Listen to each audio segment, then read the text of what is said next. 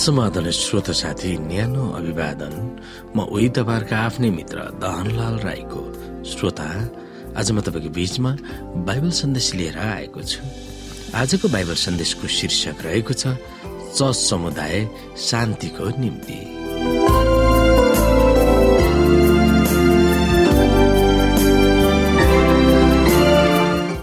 श्रोत साथी एफिसीको पुस्तक छ अध्यायलाई हामी चिन्तन मननहरू गर्न सक्छौँ जहाँ हामी चर्च समुदाय शान्तिको निम्ति युद्ध गर्ने परमेश्वरका फौज हौ भनेर एफिसी छमा हामी भेटाउँदछौ।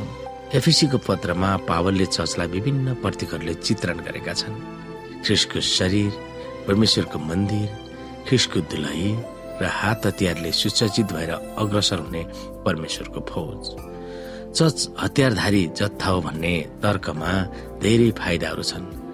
साथै त्यस तर्कलाई गलत पनि सम्झिन मानिसहरूले सक्दछ। सैनिक हात हतियार भिरेर अरूसँग युद्ध गर्नुपर्छ भन्ने पावलको वचनलाई हामी सजिलैसँग गलत सम्झिन सक्छौँ। त्यही पावलले हामीलाई एकताको सूत्रमा रहनुपर्छ। हाम्रो बोलीचालीले एकअर्काको हित गर्नुपर्छ।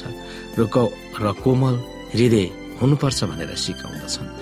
परमेश्वरको सुसमाचार भनेको शान्तिको सन्देश वा सुसमाचार हो भनेर पावलले नै भनिरहेका छन्। तर पावलले च जल्दो बल्दो सैनिकको प्रतीक भनेर चित्रण गर्दा परम्परागत रूपमा हात हतियार उठाएर यसुलाई विश्वास नगर्नेहरूलाई भौतिक कारवाही वा युद्ध गर्न पावलले आह्वान गरेकै होइन। शैतान र उसका दुष्ट फौजसँग आत्मिक युद्ध गर्नुपर्छ अथवा हाम्रो युद्ध शान्ति युद्ध हो भनेर बुझ्नु पर्दछ परमेश्वर र शैतानको बीचमा भइरहेको भीषण वैचारिक द्वन्द्वको मैदानमा हामीलाई परमेश्वरको फौजमा सामेल हुन पावलले आग्रह गर्दछन्। हाम्रो विरुद्धमा खडा भएका शत्रुका फौजहरू कतिको शक्तिशाली छ भन्ने वास्तविक अनुमानबाट हामी पन्छिनुहुन्न हाम्रा शत्रुहरू भनेको केवल हामीमाथि जाइ लाग्ने मानव शत्रु मात्र होइन तर आकाशका स्थानहरूमा रहेका दुष्टका आत्मिक फौजहरू हुन्। त्यसलाई नेतृत्व गर्ने त्यसको चलाक सेनापति लुसिफर सैतन आफै हो। तर हाम्रा शत्रुहरूको अगाडि हामी झुक्नु पर्दैन।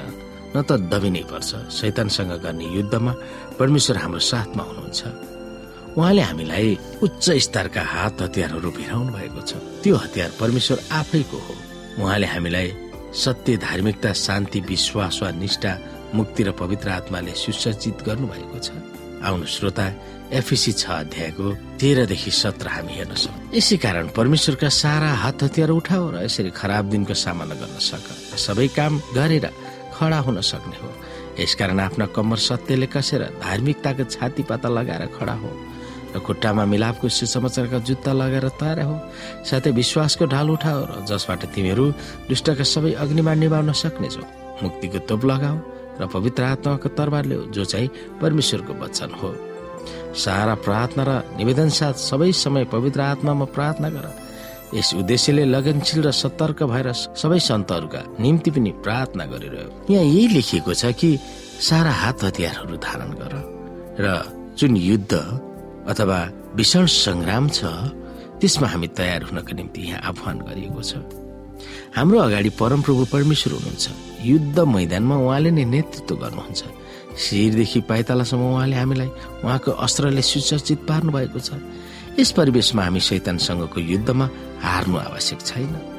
हाम्रो निम्ति विजय सुनिश्चित छ र हाम्रो चर्च समुदायको निम्ति अथवा मानिसहरूको अगाडि शान्तिको निम्ति तयार भइरहनु पर्दछ।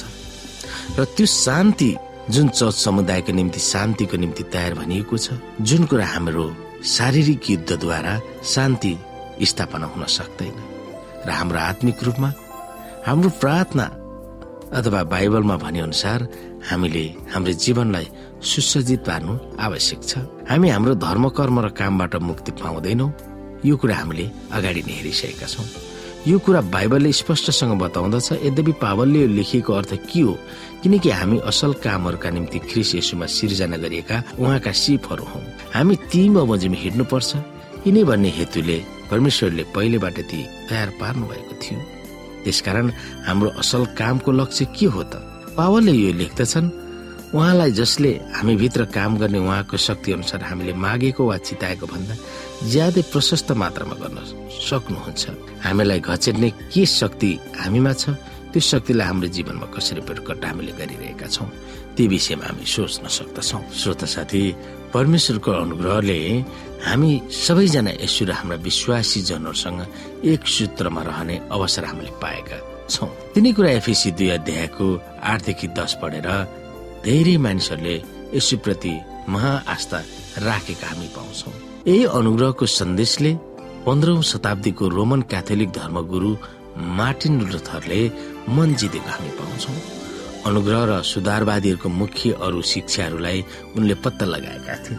मुक्ति भनेको केवल विश्वासबाट मात्र पाइन्छ केवल अनुग्रहबाट मात्रै नै र परमेश्वरको महिमाबाट मात्रै पाइन्छ भन्ने कुरा उल्लेख गरिएको छ।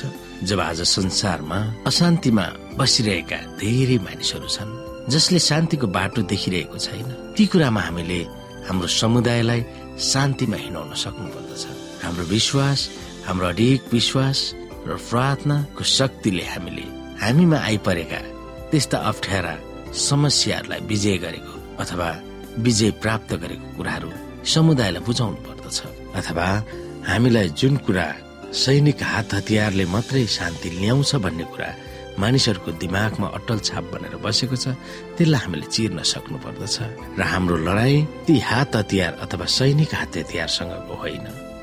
हाम्रो लडाई हाम्रो आत्मिक रूपमा हो। र हाम्रो आत्मिक रूपमा हामीले पूर्ण रूपमा तयारीको जीवन जिउनु पर्दछ प्रार्थना सहितको जीवन जिउनु पर्दछ अथवा एफएसी छ अध्यायमा भनेको जस्तै हामीले हाम्रो विश्वासको ढाल उठाउनु पर्दछ र पवित्र आत्माको तरवार जुन कुराले मानिसलाई परिवर्तन गर्न सक्दछ तिनै कुरामा हामीले ध्यान दिनु पर्दछ